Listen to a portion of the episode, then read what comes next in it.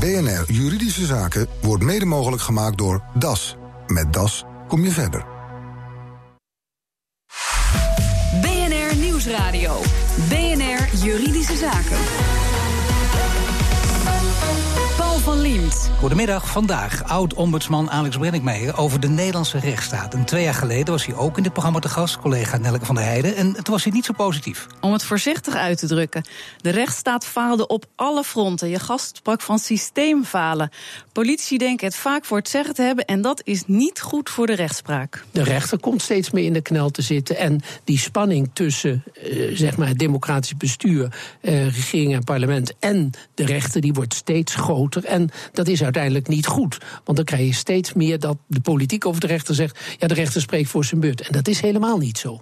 Hij staat hier tegenover ons, Nelke, maar dit vond hij twee jaar geleden dus. En ondertussen wel ons wijzende vingertje naar het buitenland. Ja, ook een grote ergernis inderdaad. Daar zijn Nederland heeft in het buitenland een, een heel helder stem als het gaat om een gezonde rechtsstaat. Nou, kijk dan ook eens in de spiegel en constateer dat wij hele zwakke plekken hebben. En dat we regelmatig wetgeving tot stand brengen die niet deugt. Dat we regelmatig in de uitvoering in de mist gaan. En dat ook de rechtspraak in Nederland uh, zwak is als het gaat om de organisatie en de financiering. En daar mag je best wel eens wat aan veranderen. Nou, benieuwd hoe hij daar inmiddels over denkt. Ja, mag je nog niet zeggen, zometeen. Alex Wennemeijer staat in ieder geval niet alleen. Nee, want deze week komt ook het Haags Juridisch Onderzoeksinstituut heel met een rapport over de rechtsstaat. En zij hebben vooral gekeken naar hoe die rechtsstaat nou voor de burgers werkt. En de conclusie is niet zo goed. Er zijn een paar bevindingen die we kunnen melden. Dat is het vermogen om conflicten op te lossen, dat neemt af. Vijf jaar geleden werd nog 60% van de conflicten opgelost. Nu is dat nog maar 51, krap aan de helft. Um, nou, mensen worden vaak van het kastje naar de muur gestuurd, tegenover elkaar gezet. En juristen die willen de mensen wel graag bedienen en innoveren, maar ze lopen de hele tijd vast op de regelstructuren van het ministerie van Veiligheid en Justitie. Dank je, Nelke. En ik zeg welkom tegen Alex Brenninkmeijer, lid van de Europese Rekenkamer, hoogleraar institutionele aspecten van de rechtsstaat aan de Universiteit Utrecht. Ja, echt uh, met toegeknepen ogen goed uh, luisteren naar wat Nelke allemaal zei. Uh, kwam er onzin uit of niet? Nee, ik denk het niet. Dat kan ook niet, hè? Nee, nee het, is, het is eigenlijk wel triest dat je constateert dat er in die twee jaar tijd uh, op die punten die ik noemde uh, geen verbeteringen zijn. Laten we beginnen met de rechtsstaat. Want echt serieus, twee jaar geleden al een behoorlijke waarschuwing afgegeven. In, in uw eigen bewoordingen, maar toch stevig. Uh, nu nog steeds uh, ziet u het donker in als het gaat over de rechtsstaat. Ja, en dan met name, ik, ik heb toen die stresstest uh, genoemd. Ja. Omdat we doen dat bij zeedijken, we doen dat voor de overheidsfinanciën, we doen het voor banken. Ja. Op allerlei terreinen kijken we wat gebeurt er als de druk groter wordt.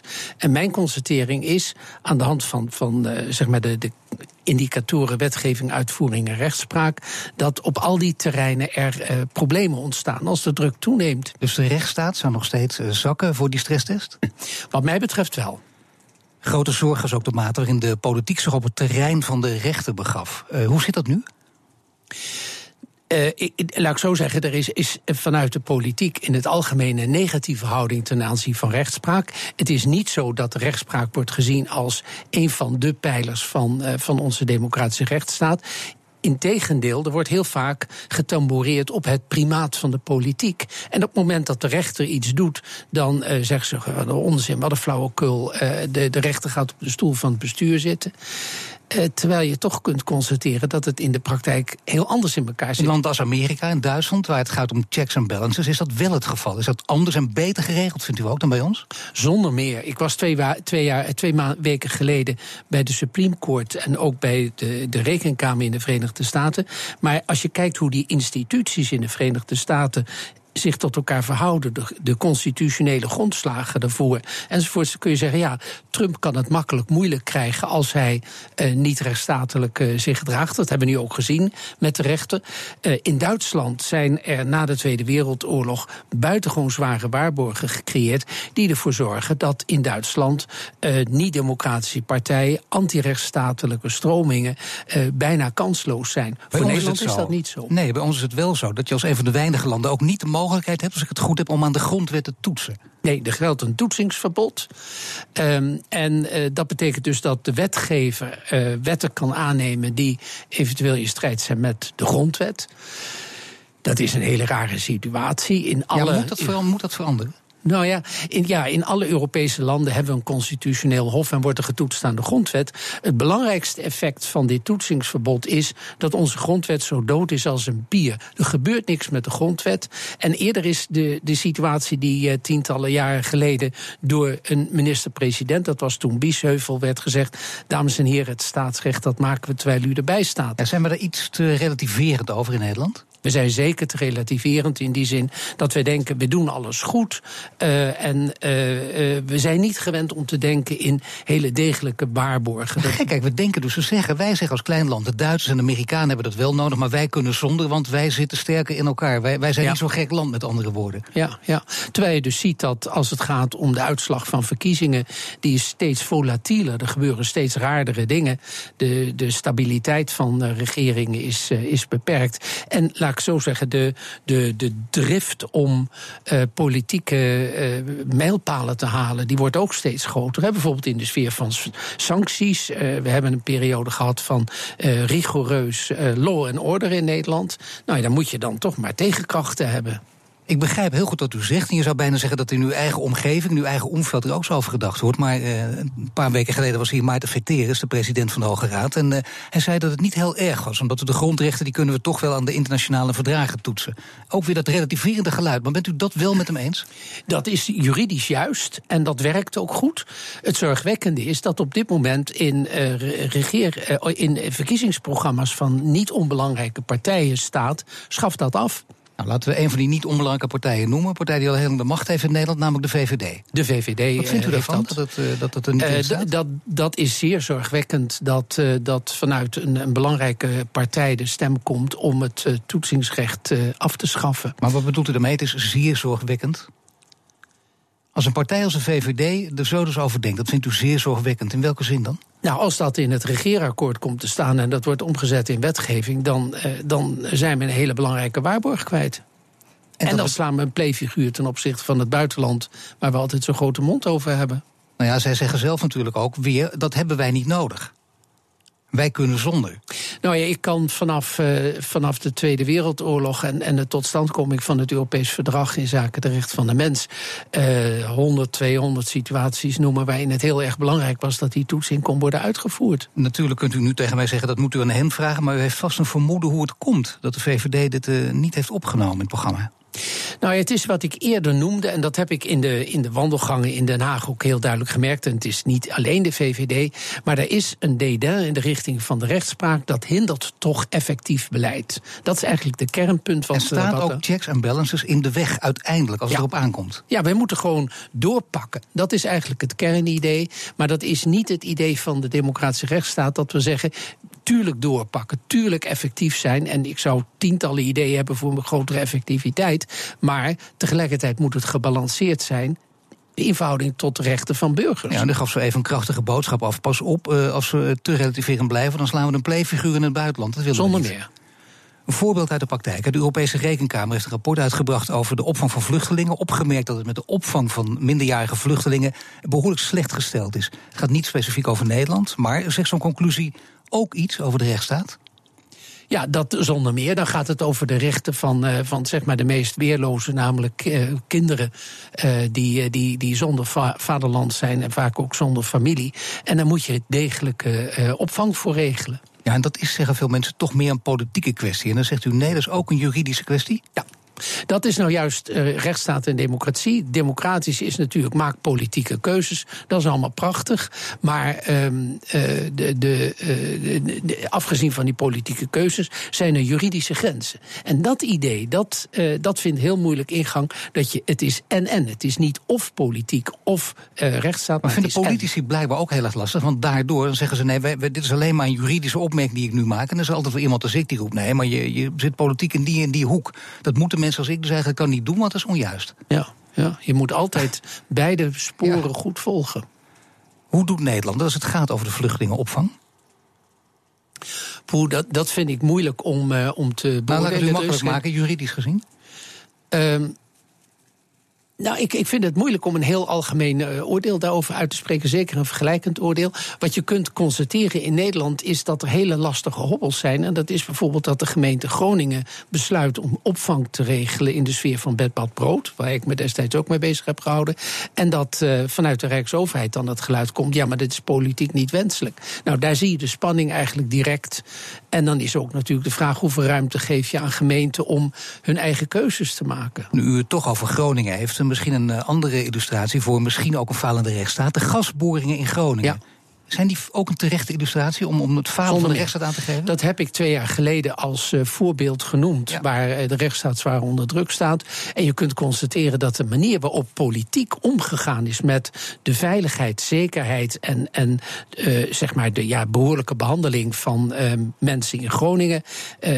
dat, dat, dat is echt, vind ik, uh, heel ernstig zoals dat, uh, dat gedaan Maar juist omdat u dat twee jaar geleden al benoemde, u bent ook niet de minste, uw geluid wordt gehoord, dat hoopt u ook, maar dat is dan blijkbaar niet gehoord. Nee, dat wordt niet gehoord. En, en vaak zie je dat dat weggerelativeerd wordt. En ja, toch zie je, Nederland is maar een heel klein landje eigenlijk. Dat merk ik vanuit het internationale perspectief. En uh, dat men heel vaak in een soort groupthink zit. Hè. Dus iedereen vindt en denkt hetzelfde. Maar een, een kritische andere stem, ach, ach ja, daar wordt dan geen rekening mee gehouden u daar zelf ook wel eens last van gehad? Um, nou, in die zin dat u ook in die hoek wordt gezet. Oh, dan heb je die lastige Brennikwijn. Oh, dat speelt zeker een rol. Nou, ik heb er geen last van. Ik vind, uh, het, is, het is mijn rol die ik speel. Maar ik, laat ik zo zeggen, ik kan uit, het, uh, uit de afgelopen 40 jaar dat ik professioneel bezig ben, een, een, stuk of vijf, zes situaties noemen waarin ik heel duidelijk op een gegeven moment heb gezegd: dit kan niet. En daar wordt helemaal geen rekening mee gehouden. En zes, tien jaar later, dan, dan gebeurt het wel. Straks, als hij over twee jaar weer te gast is, moet het beter gaan met de rechtsstaat. Hoe gaat dat lukken? BNR Nieuwsradio. BNR Juridische Zaken.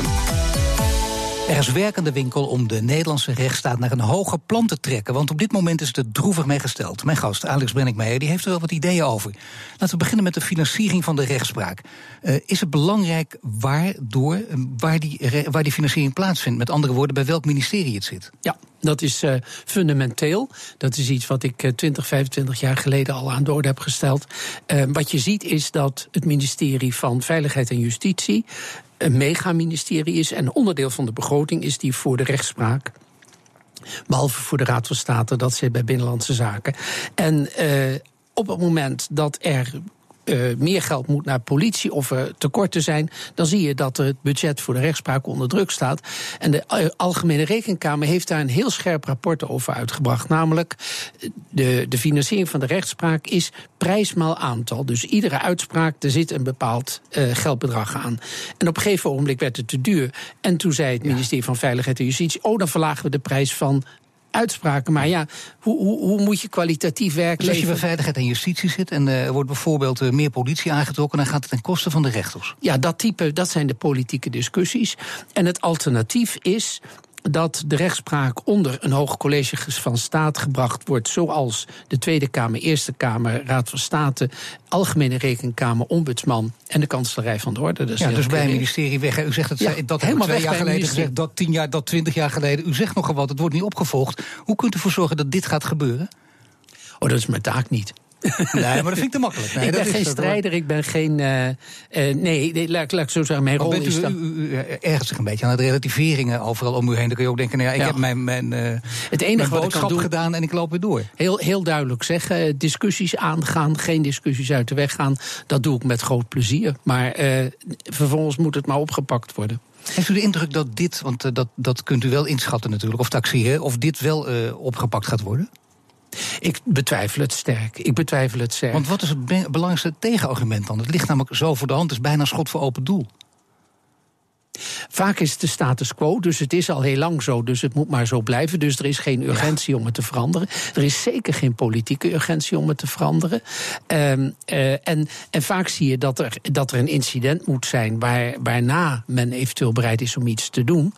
Um, wat ik wel noem, en, en dat was een analyse die ik deze zomer gepubliceerd heb, um, uh, samen met Hilke Grotelaar van de Universiteit Utrecht, dat je ziet dat door die financiële druk op de rechterlijke macht er in intern in de rechterlijke macht als vanzelf grote spanningen ontstaan en de organisatie niet meer goed functioneert. En dat heeft ook een hele structurele uitwerking op het functioneren van de rechtspraak. Ja, en wat is die structurele uitwerking dan? Hoe, hoe slecht kan het uitpakken?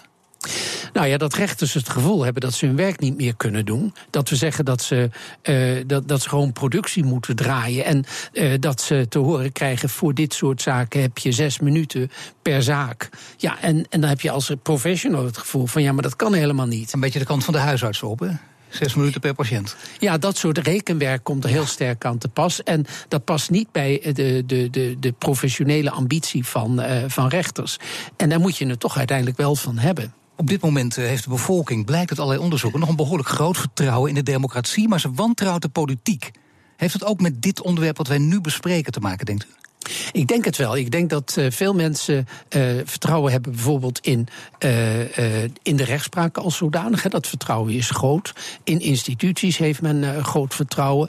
Alleen het, het, het, politieke gedoe waarbij vaak echte argumenten verhuld worden... of dat om problemen heen gelopen wordt... of dat er zielige compromissen worden gesloten, gesloten die dan verkocht worden als briljante vondsten. Ja, wat zijn, geef eens een voorbeeld van zo'n zielig compromis. Help, uh, want dan moeten we dus terug naar, uh, naar, naar uh, Rutte 1 als, als het, het nou, Rutte 2 als, ik, als ik, moment. Ik help u nu, laten we dat gewoon niet doen. Maar laten we even kijken naar waar mensen dan om roepen. Hè? Als, als ze de politiek wantrouwen, dan is altijd weer die roep om de sterke politieke leider. is dat een zegen of een gevaar voor de democratie, een sterke leider? Um, nee, een sterke leider, dat, dat is niet een uh, winst voor, uh, voor de democratie. En dat is eigenlijk ook een antwoord op iets waar, uh, waar, we, waar we heel veel aandacht aan moeten besteden. Dat is namelijk dat de werkelijkheid zo complex is en dat heel veel mensen eigenlijk niet meer mee kunnen komen met hoe de staat in elkaar zit, hoe Europa in elkaar zit, hoe de rechtspraak in elkaar zit. En dan krijg je dat in deze tijd met de digitale media, met one-liners, belangrijke instituten heel makkelijk weggezet worden. Nou, we leven natuurlijk sowieso in verwarrende tijden. Dat ja. lees ik in bijna elke column in, in ook allerlei gerespecteerde bladen. En uh, daar staat er meteen uh, achter de komma. Daar moeten we maar mee leren leven met deze verwarrende, complexe nou, tijden. Dat, is, dat vind ik wel interessant. Daar moeten we maar mee leren leven. Ja. Natuurlijk kun je die tijden niet veranderen. Maar wat de rol is van, uh, van uh, politiek en zeker ook van de instituties. om zo helder mogelijk te maken. waar staan we voor? Waar kunt u op rekenen? En waarop kunt u ons afrekenen? Ik wil niet flauw doen, maar je zou bijna zeggen. daar heb je dus wel sterke leiders voor nodig. die dat helder en duidelijk kunnen zeggen. Als je dat doet, Geen als je dat bedoelt met een ster, sterke leider, dan is dat goed. Maar een sterke leider is vaak uh, de, de, uh, de, de fluitspeler van Hamelen, de rattenvanger van Hamelen. Die dus heel veel mensen naar zich toe trekt, maar vervolgens er maar mee doet wat hij wil met die belangen. He, dat is de, de sterke leider, dat is uh, de, zeg maar het Poetin-achtige, het, het Erdogan-achtige. En wat Trump denk ik ook zal gaan doen, is de indruk wekken van ik los uw problemen op. Maar ondertussen. Ondertussen is het veel beter dat je dus iemand hebt die, uh, die uh, laten we zeggen, de kluwen kan ontworren. Ja. En die kan zeggen: kijk, ik kan deze kluwen ontwarren en ik kan aangeven uh, dat de complexiteit iets overzichtelijker is dan u denkt. Ziet u mensen die dat kunnen? Misschien kunt u het zelf wel. nou, ik vind het zelf altijd belangrijk om heel heldere taal te spreken en, en heel duidelijk te zijn over wat er aan de hand is. Um, nou, je ziet bij adviesinstanties heel vaak, he, neem iemand als Kim Putters van het Sociaal en Cultureel Planbureau. Ja. Ingewikkeld, onze samenleving heeft altijd een helder verhaal, vind ik. Uh, ook, ook in de sfeer van de Raad van State. He, op het moment dat de vicepresident van de Raad van State donder iets zegt, dan, dan geeft hij in ieder geval een, een duidelijke, uh, duidelijke boodschap. De Algemene Rekenkamer is ook zo'n institutie die op een gegeven moment heel duidelijk zegt waar het op staat. En dat geeft, denk ik, mensen veel vertrouwen. Boodschap is wel dat uh, de rechtsstaat en de rechtsstatelijkheid ongelooflijk belangrijk zijn. Want juist in die verwarrende tijden wil de burger zich ergens aan vast kunnen houden. Ja. Kan Nederland dat eens een eentje? Zonder meer niet. De, uh, uh, het is een heel belangrijk perspectief dat je ziet dat als het bijvoorbeeld gaat om bedreigingen van rechtsstaat in de sfeer van criminaliteit, maar ook als het gaat om de digitale wereld, dan, dan zijn we enorm aangewezen op internationale samenwerking, internationale afstemming.